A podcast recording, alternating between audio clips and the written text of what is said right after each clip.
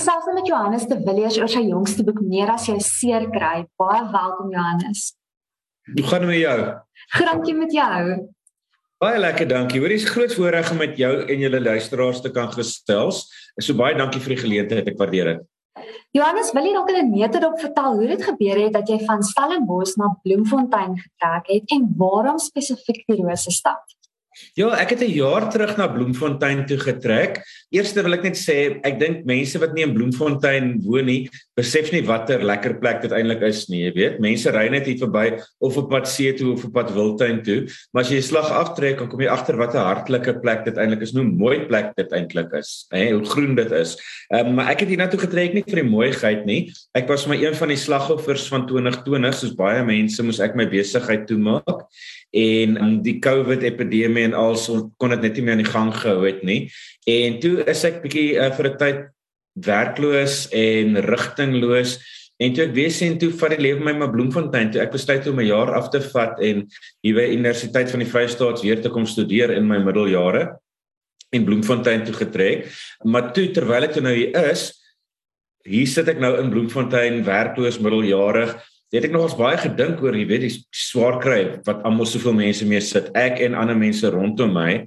En dit het toe daartoe met daartoe gelei het ek toe nou self terwyl ek hier in Bloemes toe nou 'n boek ook geskryf het wat spesifiek gaan oor die seer kry waarmee soveel mense in die wêreld op die oomblik sit na alles wat die afgelope 2 jaar gebeur het. Kom ons praat vinnig oor jou boek. Wil jy my dalk meer vertel oor die titel, meer as jou seerkry en waarom jy dit gekies het? Was daar ander opsies ook of was dit van die begin af vir jou die hoof boodskap? Ja, dit was ja, dit was nie die eerste keuse nie. Ek sou net sê wat die ander keuses ook was.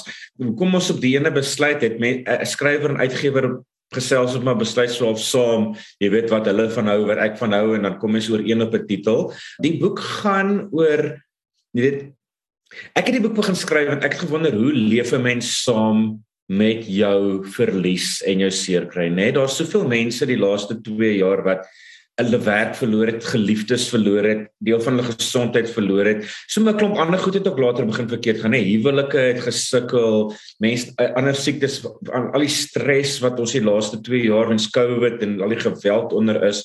En ek het agtergekom met die seer kry stikkindheid amper is 'n groot deel van mense se lewe.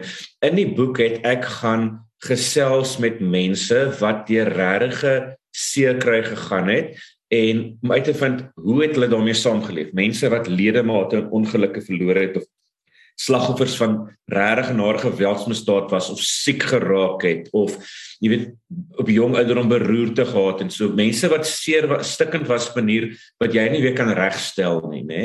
Ek sê as jy lewe nou stikkend is en jy kan dit nie weer regmaak nie hoe gaan jy aan met jou lewe? En wat ek nogals agtergekom het by hulle omtrent al daai mense is hulle het my vertel dat jy kom by 'n punt wat jy besef jou seer kry is nie die hele verhaal nie weet mense wat hier die ergste ergste goed gaan. Stel jy het 'n 'n kind afgestaan in die dood, nê? Nee? Party van die mense met wie ek gepraat het of jy het 'n uh, 'n breinbeserings en jy sal nooit weer kan werk nie. Dan kan jou seer, jou pyn raak so oorweldigend, jou teneergedruktheid, jou angstigheid dat jy dink dis die hele lewe. Jy gaan nooit weer baie van die mense sê jy hoor die frase gereeld ek gaan nooit weer gelukkig wees nie of ek gaan nooit weer lag nie.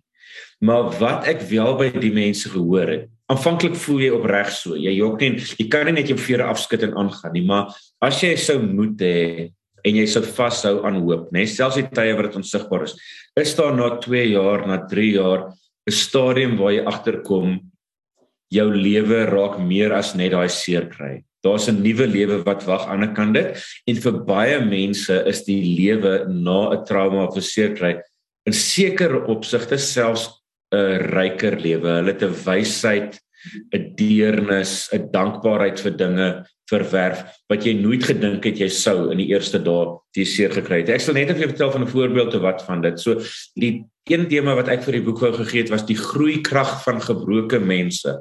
Die uitgewer het nou nie daarvan gehou nie, maar daar is 'n konsep in sielkunde. Jy weet soos dat mense altyd praat van posttraumatiese stres, weet iets gebeur, jy's aangeval, jy was siek en jy's laat die tyd hartseer, baie lank angstig. Daar's ook 'n konsep wat hulle noem posttraumatiese groei. En dit is hoe mense deur diep donkertes gaan, jy weet. En niemand wil daardeur gaan nie. Niemand is dankbaar dat dit gebeur nie. Jy wens dit vir niemand toe nie, Maar as dit nou gebeur het, is daar baie keer 'n dieper wysheid en 'n dieper bewustheid wat mense leer van hoe sterk hulle is en ook van hoe sterk dit is rondom hulle wat hulle waarop hulle leun en wat hulle aan aan die gang hou. So ek praat nou baie abstrakt oor dit, maar ek hoop dit maak maak te sin wat ek vir jou sê. Ja, ek wil graag daarbey aansluit. Een boodskap wat vir my nogal duidelik aan vore kom in jou boek is dat trauma en seer kry vir elke persoon anders lyk en dat dit nie met 'n ander persoon hoef te vergelyk nie want dit is nie dieselfde nie. Hoe het hierdie gedagte jou gehelp om deur jou eie verlies te werk? Ja, so my eie verlies het op my ouene gevoel was so klein hè, want ek het maar net my werk verloor en my besigheid toegemaak. En nou het ek in die boek gesels met mense wat letterlik ontvoer is nê en hulle kar gelaai en weggery is na 'n gruwelike buurt waar mense hulle geweld aangedoen het of mense wat breinbeserings opgedoen het en nooit vir dieselfde kan wees nie. Maar wat al hierdie mense sê is trauma of hartseer is so uniek nê. Dit is jy kan nie besitlik wees oor die term trauma wie seer gekry het wie nie seer gekry het nie almal Party mense se trauma is die feit dat hulle oud word. Dis party mense 'n verskriklike moeilike ding om te aanvaar. Party mense hulle trauma die feit dat hulle voorkoms verander. Party mense se trauma hulle troeteldier wat die enigste liefde was wat hulle hele lewe gehad het verloor hulle, jy weet. So as jy dat jy deur 'n oorlog hoef te gaan om stikkend te wees nie. Gebeur met baie mense, maar wat ek nogals nie met hierdie boek wou doen nie is ek wou nie 'n lysie gee met maklike wenke van doen stap 1 2 3 4 5 en dan sien oor jou pyn nie nê? Nee? ek het aanvanklik toe ek dit geskryf gedink miskien gaan ek 'n antwoord kry maar wat ek uit die boek geleer het is daar is nie eintlik 'n maklike manier om jou pyn te omseil nie en daar's nie 'n manier om jou pyn baie vinnig reg te maak nie. Jy moet 'n tydjie met dit saam leef. En dit het ek in die mense lewe gesien en dit het nogals my gehelp. Te besef dat as die lewe jou breek daar's niks met jou verkeerd omdat jy nie dat jy nie binne 'n week weer okay is nê. Ons praat deesdae so maklik van veerkragtigheid dat jy moet soos 'n veer in 'n matras terugbons en weet wie wie jy was. Maar as jy geskend is en jy is geweld op doen en jy dinge verloor, gaan jy nooit weer word wie jy was nie, nê? En jy gaan ook nie 'n nuwe skoenlapper uit die uit die papie uitkom binne 'n 2 3 weke nie. Dit vat lank, dit vat 'n jaar, dit vat 2 jaar, 3 jaar soos 'n slang wat sy ou vel verloor het en moet geduldig moet wag voor die nuwe vel weer aangroei, nê? So ek het geleer moenie jou pyn verwens nie. Moenie dink daar's iets met jou verkeerd omdat jy pyn het en omdat jy so hartseer is sodat verkeerd gegaan het nie. Want selfs daar waar jy nou is, al sien jy nog hierdie lig nie, al voel jy net jy nooit weer gelukkig gaan wees nie. Ek in hierdie boek gee vir jou die stories van ander mense wat daardeur is wat jy kan sê hulle het ook so gevoel en die dag gaan aanbreek dat daai lig wel gaan skyn in jou lewe. So dis nie 'n kwessie van gee vir mekaar raad nie. Dis 'n kwessie van kom ons vertel vir mekaar ons stories, kom ons hoor mekaar se pyn en kom ons hoor die verhaal van ander mense wat gebeur het nadat hulle deur daai pyn was om ons te help te besef daar is vir jou ook eendag 'n lewe aan die ander kant jou swaar kry. Dit is asof jy ook deurlopend met die leser gesels. Ek verwys byvoorbeeld na bladsy 84 waar jy noem dat baie lesers op daai gegee oomblik of daai plek in die boek sal aanblaai en die praktiese oefeninge sal mis net om te ja. dink hulle kom later terug. Wat is jou bedoeling hiermee? Ek het eintlik die boek geskryf vir myself en dit eerlik te wees. Jy weet, ek het so hartseer gevoel na alles wat ek verloor het en toe het ek gesit en praat met 'n vriend van my hier in 'n koffiewinkel in Bloemfontein en hy het vir my vertel oor hy 'n kar ongeluk waarin hy was. Jy weet, hy was 'n baie suksesvolle prokureur. Hy's nog in sy vroeë 30's, maar hy het al sy derde luukse Duitse motor gehad, beroemde kliënte en toe jaag hy met sy kar af van die N12 daar tussen Warrington en Kimberley en die kar het gerol hoor een van hierdie heininge wat so met droppers gespan is. Die dropper daai paaltjie het deur die karvenster gebars in sy deur sy skedel 'n stuk van sy brein letterlik soos roereier opgemaal dit moes uitkrap na die tyd.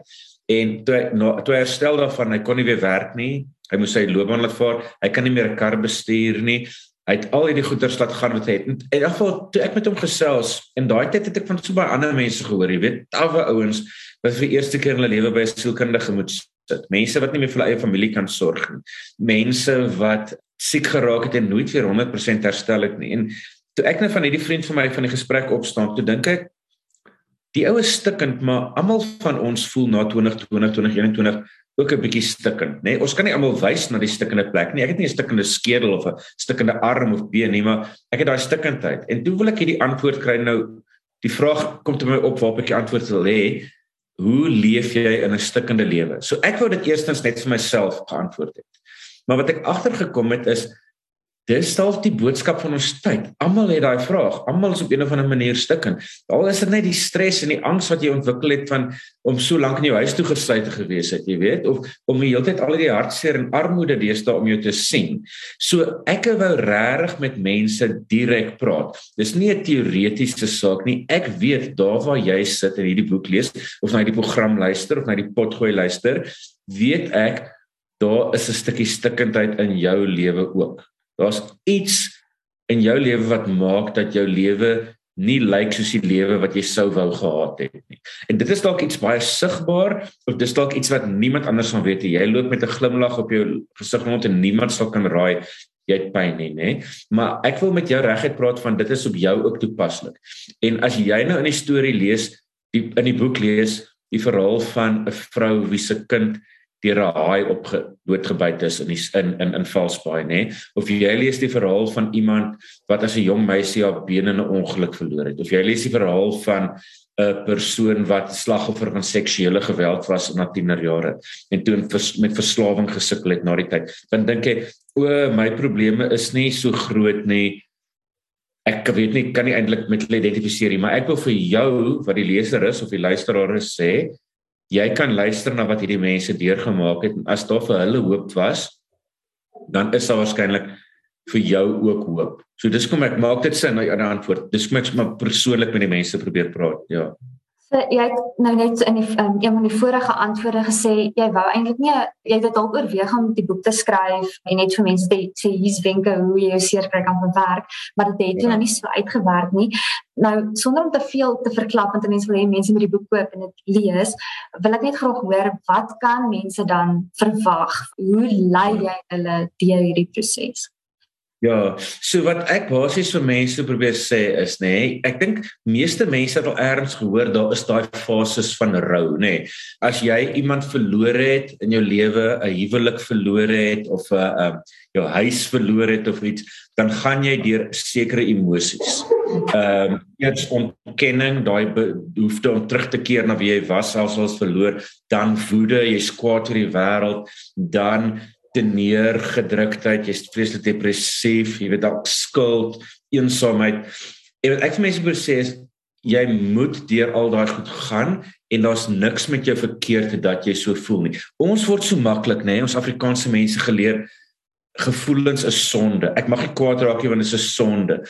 En ek weet nie, ek hoop enige dominees of pastore is nou kwaad ek dit sê nie, maar ek dink nie is 'n sonde om 'n gevoel te hê nie. Jy kies nie jou gevoel nie. Hierdie goed kom in jou op en dit is jou gees wat vir jou probeer sê hy's gekwes.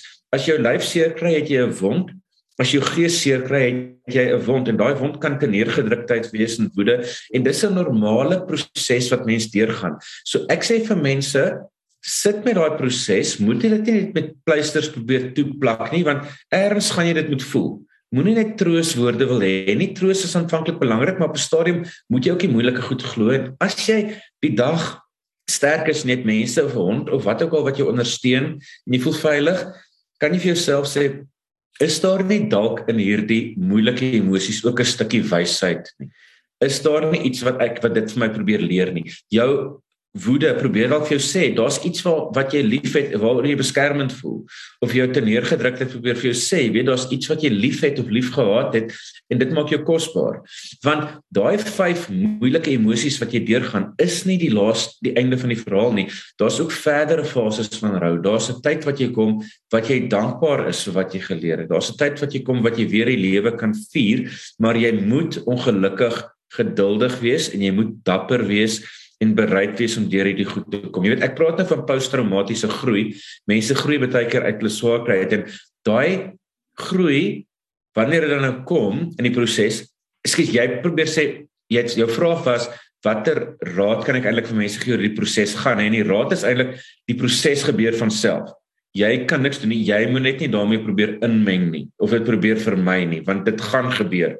Maar as jy dapper deur al die moeilike emosies gaan het dan wat ook gaan gebeur en jy kan dit nie maak gebeur nie, dit gaan gebeur. Jy gaan by 'n stadium kom van groei en daai groei kan verskillende vorms aanneem. Daai groei kan gewoon wees dat jy besef hoe sterk jy was. Gits as ek hierdie ding kan oorleef, dan gaan ek in die toekoms ander uitdagings ook kan oorleef en ek hoef nie meer ooit weer bang te wees nie. Of dit kan wees jy kan besef hoe sterk dit is wat jou ondersteun en hoe daai weet 'n krag buite jou en daai krag kan wees God as jy gelowig is dit kan wees jou familie of jou vriende wie jou gehelp het of jou terapeut of 'n ander vorm wat hierdie groei aanneem is dit kan wees net dat jy 'n nuwe dankbaarheid vir jou lewe het. Jy weet jy het agtergekom mense kan goed verloor en jy moet kan niks meer van selfsprekend aanvaar nie. Soos al die verskillende forme. So so ja, hierdie is nie 'n selfhelpboek in die sin dat hier is 'n gespikkelde lysie dinge wat jy kan doen en dan help jouself nie. Dis meer 'n tipe van 'n self tot rus kom boek want die hulp kom van binne jou en dit kom van elders af ook jy moet net bereid wees om dit aanvaar selfs al lyk dit baie keer na seer kry en na pyn en na hartseer want dit is ook deel van die genesing.